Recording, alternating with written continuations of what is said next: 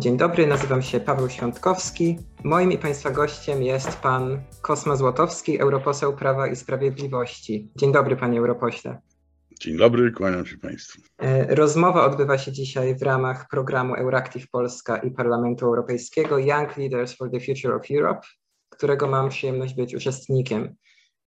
Panie europośle, 9 maja skończyła się konferencja w sprawie przyszłości Europy. Grupa europejskich konserwatystów i reformatorów wycofała się na koniec projektu y, z uczestniczenia w konferencji. Dlaczego?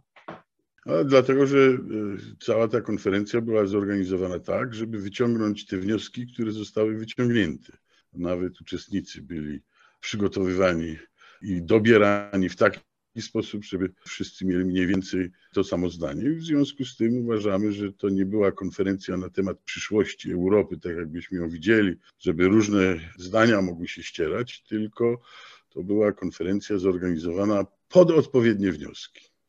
Czy nie wierzy Pan, że ten entuzjazm, który było widać u, u ludzi zaangażowanych obywateli w ten projekt, był jednak autentyczny i że jest autentyczny wśród wielu obywateli Unii Europejskiej? Bardzo możliwe, ale obywateli, e, którzy mają inne zdanie, tam nie było. Dla mnie z socjologicznego punktu widzenia jest dziwne, że wszyscy właśnie wykazywali ten entuzjazm, natomiast e, e, mniejszych entuzjastów nie było. Pańska grupa wydała też oświadczenie, że konferencja cieszyła się znikomym zainteresowaniem europejskiej opinii publicznej, co nie pozwala uznać jej konkluzji za reprezentatywne żądania Europejczyków. Dlaczego Pana zdaniem tak się też stało i czy Pana grupa ma, ma jakieś lepsze pomysły na zwiększanie zaangażowania obywateli? Tak, wydaje mi się, że no, konferencja nie była w mediach wystarczająco rozpropagowana, a też chodziło o to, żeby nie propagować jej właśnie dlatego, żeby e, zablokować udział inaczej myślących. Także to jest taka konferencja we własnym sosie. Czy w takim razie wydaje się Panu, że podobny entuzjazm dałoby się odnaleźć u, u osób o pan, pańskich poglądach i poglądach państw, Pana frakcji w, w Parlamencie Europejskim? No, no, chęć udziału z całą pewnością, ale nasze środowiska były e, generalnie pomijane przy tych zaproszeniach, więc, więc konferencja była ewidentnie jednostronna. Pan także kwestionował właśnie tą ideę, że na pewno w w wyniku tej konferencji będzie, będziemy mówić o większej i głębszej integracji europejskiej, której Pan jest już przeciwnikiem. Gdzie w takim razie jest ta granica integracji i współpracy, której nie powinniśmy przekraczać? Czy są jeszcze jakieś obszary, w których ta integracja powinna się pogłębiać? No, z całą pewnością nie powinniśmy przekraczać e, granicy, którą jest e, weto E, weto jest w takiej Unii liczącej e, aż tylu członków bezpiecznikiem. No chodzi o to, żeby żaden kraj nie czuł się w tej Unii nieszczęśliwy. Jest to instrument, który jest e, dość rzadko stosowany, ale jednak jego zastosowanie wymaga pójścia przez innych partnerów na kompromis. Natomiast jeżeli będziemy wygłosować większościowo, no to z całą pewnością będą kraje, które poczują się przynajmniej za jakiś czas y, w tej Unii źle. I to będzie prowadziło do rozpadu Unii oczywiście. Czy w takim razie należy też reformować Unię, robiąc jakieś kroki wstecz y, w tej reformacji? No moim zdaniem tak. Moim zdaniem na przykład za duże uprawnienia ma Parlament Europejski, który wyraża swoje opinie również tam, gdzie ich wyrażać y, nie powinien. Posłowie do Parlamentu Europejskiego mają takie poczucie, przynajmniej wielu posłów do Parlamentu Europejskiego, że są nad posłami, a Parlament Europejski jest jakimś takim oberparlamentem. A tak nie jest. Najważniejsze są jednak parlamenty krajowe. Z tym, że kiedy są robione badania krajowe o poparciu Unii Europejskiej i poparciu tego projektu w takim kształcie, jaki jest obecnie, to nawet w Polsce badanie Eurostatu z lutego wykazało, że ponad 50% Polaków jest zadowolonych z tego, jak wygląda Unia. Jedynie mniej niż 20% wypowiada się negatywnie. Czy nie wydaje się panu, że jednak e, z tym sceptyzmem do, do integracji głębszej są państwo i pa, pana frakcja w mniejszości? No ale nawet gdybyśmy byli w mniejszości, to cóż, na tym polega demokracja, że raz się jest w większości, raz się jest w mniejszości. Demokracja polega na ciągłym dialogu z wyborcami i na przekonywaniu ich do swoich racji. Także nawet jeżeli dzisiaj jesteśmy w mniejszości, to jutro możemy być e, w większości. Tak jak Prawo i Sprawiedliwość było w opozycji, a potem nie było w opozycji, bo się okazało, że ludzie jednak podzielają nasze poglądy. No to w takim razie jakby pan właśnie przekonał obywateli, że jednak to nie jest droga ku, ku dobru, tylko jednak powinniśmy zmienić kierunek. Jaką pan zarysowuje lepszą przyszłość Europy? No, mówimy dość jasno, że jest prawo europejskie, to, czyli tam, gdzie wszystkie kraje się do, co do tego zgodziły, e, obowiązuje prawo europejskie, ale jest też prawo krajowe, które nie jest objęte traktatami i w związku z tym Unia Europejska nie powinna w takie obszary ingerować. No, takie traktaty dzisiaj e, obowiązują, a jednocześnie widzimy, że Unia Europejska e, ingeruje. Na przykład mamy sprawę tego naszego KPO. Reguły były dość jasne. Tak? Rząd przedstawia plan odbudowy, Komisja Europejska to weryfikuje i mówi, to nam się nie podoba, tamto się nam nie podoba, czy to należy zmienić. No i niczego takiego nie było. Komisja Europejska nie miała żadnych uwag do tego Krajowego Planu Odbudowy, ale pieniędzy nie ma. No i jest warunek, o którym słyszymy oczywiście nieoficjalnie, no bo nie ma żadnego poparcia traktatowego, żeby oficjalnie komisja mogła zażądać, żeby zlikwidować Izbę Dyscyplinarną w naszym Sądzie Najwyższym. No ale ten warunek komisja stawia, bo może go postawić i może nie wypłacać pieniędzy, tak, tak jak nie wypłaca. A jednocześnie odbywa się to w sposób jakiś taki zupełnie e, nieoficjalny. Nie ma żadnego dokumentu, który by mówił, że istnienie Izby Dyscyplinarnej w polskim Sądzie Najwyższym e, sprawia, że KPO jest nie do przyjęcia przez Komisję Europejską. Nie ma takiego dokumentu. Są owszem takie enuncjacje, są takie nieoficjalne rozmowy pomiędzy naszymi wiceministrami i urzędnikami Komisji Europejskiej, w których taki wymóg owszem pada, no ale, ale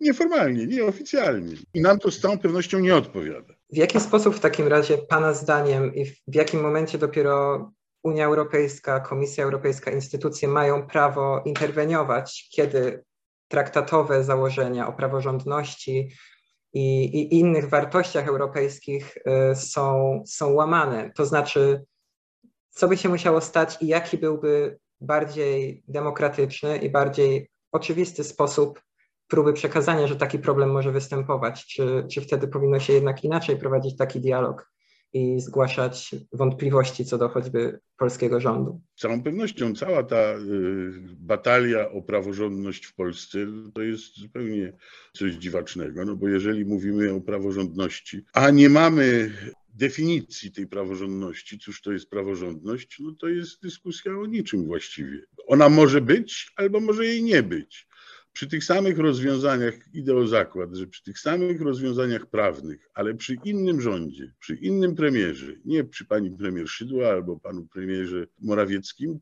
tylko przy panu premierze Donaldzie Tusku, takich dyskusji i debat by nie było. Dobrze, to może przejdźmy jeszcze, wróćmy do konferencji w sprawie przyszłości Europy. Jednak główną ideą za tą konferencją było to, aby demokracja uczestnicząca, partycypacyjna była, była właśnie stosowana bardziej poza tym instytucjonalnym, instytucjonalną odsłoną Unii Europejskiej. Czy w jakiejś innej formie byłby to dobry pomysł Pana zdaniem, czy nie powinniśmy jednak e, próbować wprowadzać więcej tego elementu uczestnictwa obywateli. W... Panie redaktorze, y, y, obywatele uczestniczą w życiu demokratycznym społeczeństw w ten sposób, że e, wybierają swoich posłów, swoich senatorów, swoich przedstawicieli raz na jakiś czas. Robią to dość regularnie i z dość dużą frekwencją. I to ci wybrani przedstawiciele są zupełnie wystarczający, jeśli chodzi o debatę na temat przyszłości Europy. Oczywiście ta debata powinna się również toczyć w mediach, e, powinna się toczyć e, pomiędzy różnymi mediami, dyskusja. E, tutaj tego zabrakło, natomiast byli wybrani uczestnicy, no, no, wybrani uczestnicy, którzy wszyscy mieli mniej więcej ten sam pogląd, co pan premier Belgii były Verhofstadt. Z jednej strony wygląda bardzo ładnie, tak, no są spotkania, są uczestnicy, a z drugiej strony no to jest moim zdaniem zupełnie martwe i chodzi właśnie o to, żeby potwierdzić te wnioski, które już wcześniej zostały przez tych ludzi wyciągnięte.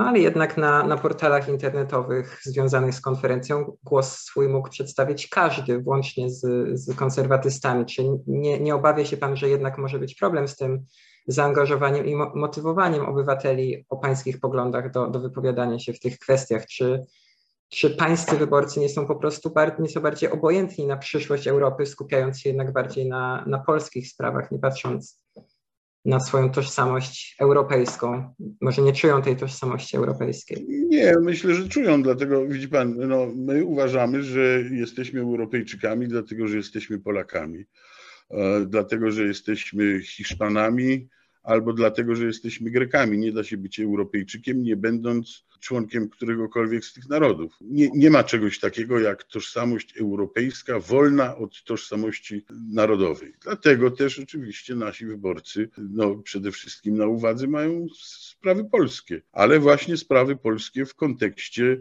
europejskim. Natomiast próbuje się tworzyć takiego Europejczyka Europejczyka, który byłby Europejczykiem, a nie byłby jednocześnie, nie wiem, Polakiem, Czechem czy, e, czy Portugalczykiem. No ale taki byt nie istnieje. Proszę zwrócić uwagę, że niektórzy z tych sędziów, którzy protestują przeciwko zmianom w polskim sądownictwie, mówią, oni są europejskimi sędziami, a nie są polskimi sędziami. No to ciekawe ujęcie.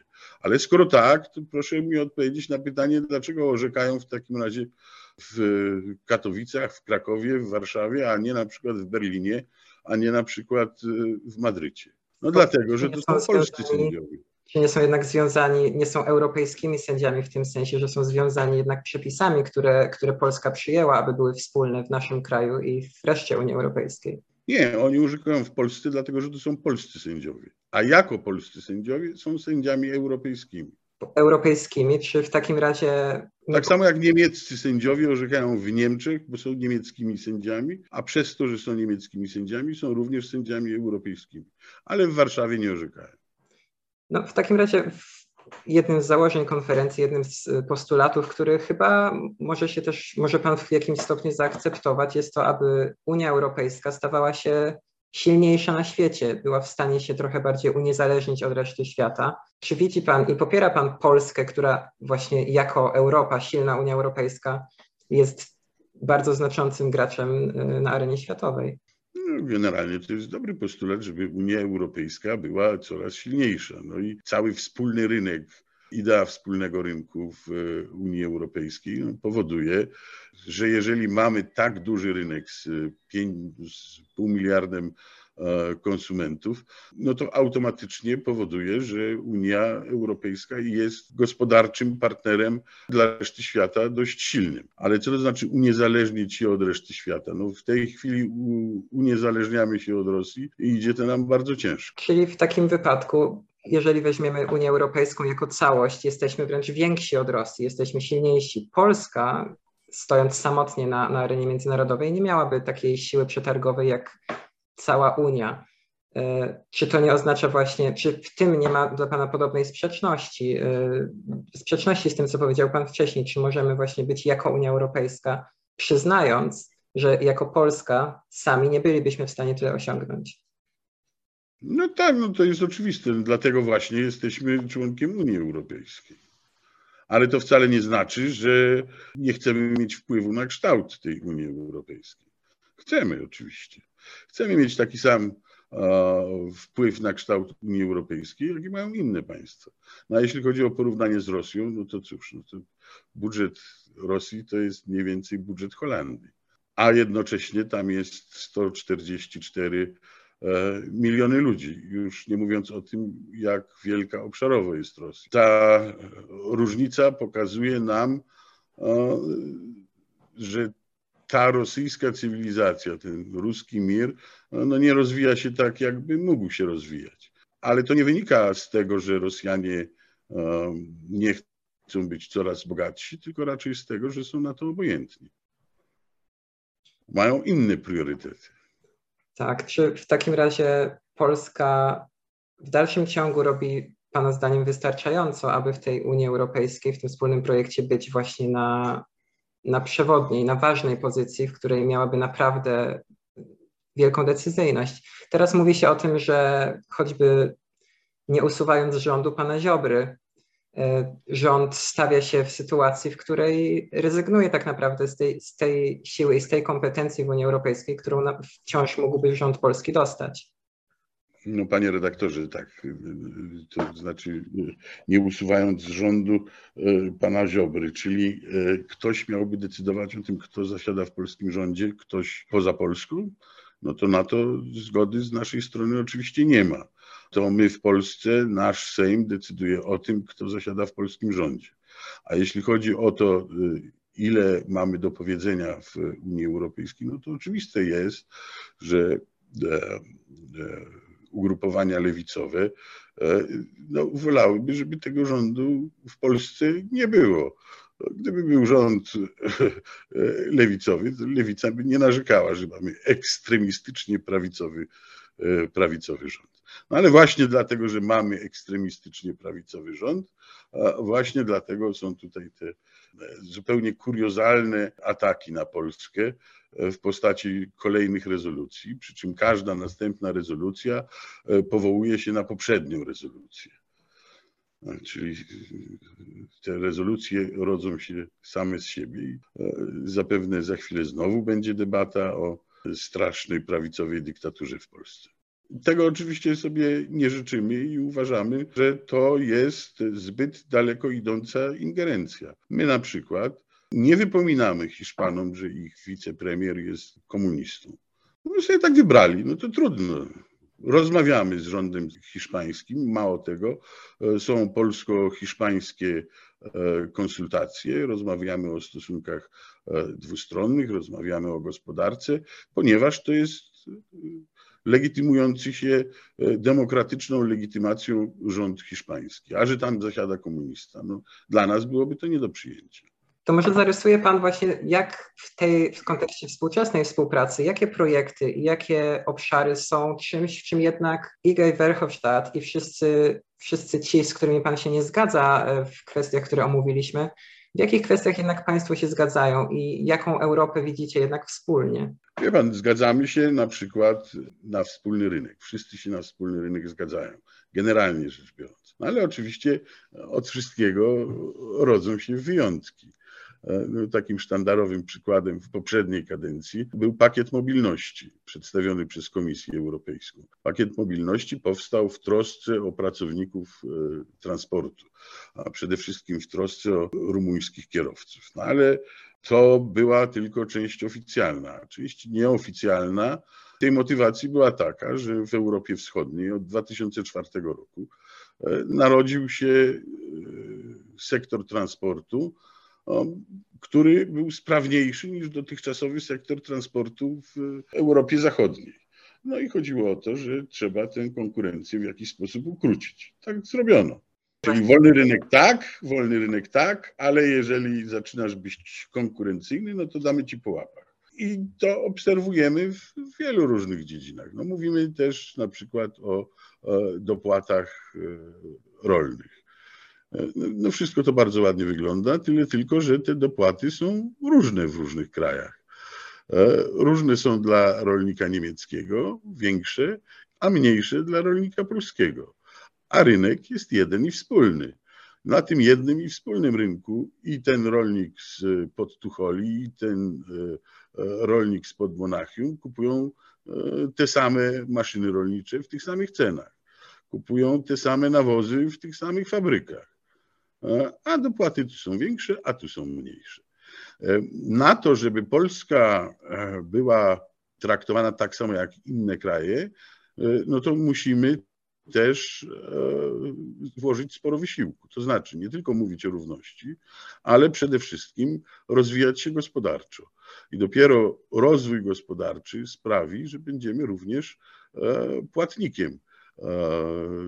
Nie takim, który więcej z Unii wyciąga dotacji, a mniej wpłaca, tylko odwrotnie. No bo w ten, kto płaci, ten ma więcej do powiedzenia. Więc życzmy sobie jak najszybszego rozwoju gospodarczego Polski i tego, żebyśmy płacili do Unii składkę i żeby Unia dzięki polskim składkom mogła się dalej rozwijać. No to właśnie jeszcze kończąc na, na ostatnią wypowiedź, ma Pan jeszcze jakieś inne postulaty, które w tej konferencji w sprawie przyszłości Europy, która Panu by się może bardziej podobała, padłyby jako końcowe wnioski dla Komisji Europejskiej? Tu nie mamy niczego odkrywczego do powiedzenia, poza tym, że chcemy, żeby Europa była e, Unią e, państw, E, Unią Narodów, żebyśmy pamiętali o tym, że każdy z nas jest albo Niemcem, albo Hiszpanem, albo Grekiem, albo Polakiem i właśnie dlatego tworzymy Unię Europejską i dlatego właśnie jesteśmy Europejczykami. Nie ma takiego bytu jak Europejczyk bez narodowości, bez swojej historii. Chcemy pielęgnować tych 27 e, tradycji, e, tę wielość języków, e, która jest w Unii Europejskiej i uważamy, że z tego właśnie, z tej różnorodności e, buduje się prawdziwa jedność. Natomiast tworzenie nowego człowieka, e, pozbawionego korzeni, sprawi, że zrezygnujemy z tego dobra różnorodności. A różnorodność naprawdę bardzo dużo przynosi i bardzo dużo uczy. Bardzo dziękuję. Na tym skończymy już dzisiejszą rozmowę. Moim i Państwa gościem był pan europoseł Kosma Złotowski. Bardzo dziękuję, dziękuję panie bardzo. Dziękuję, kłaniam się.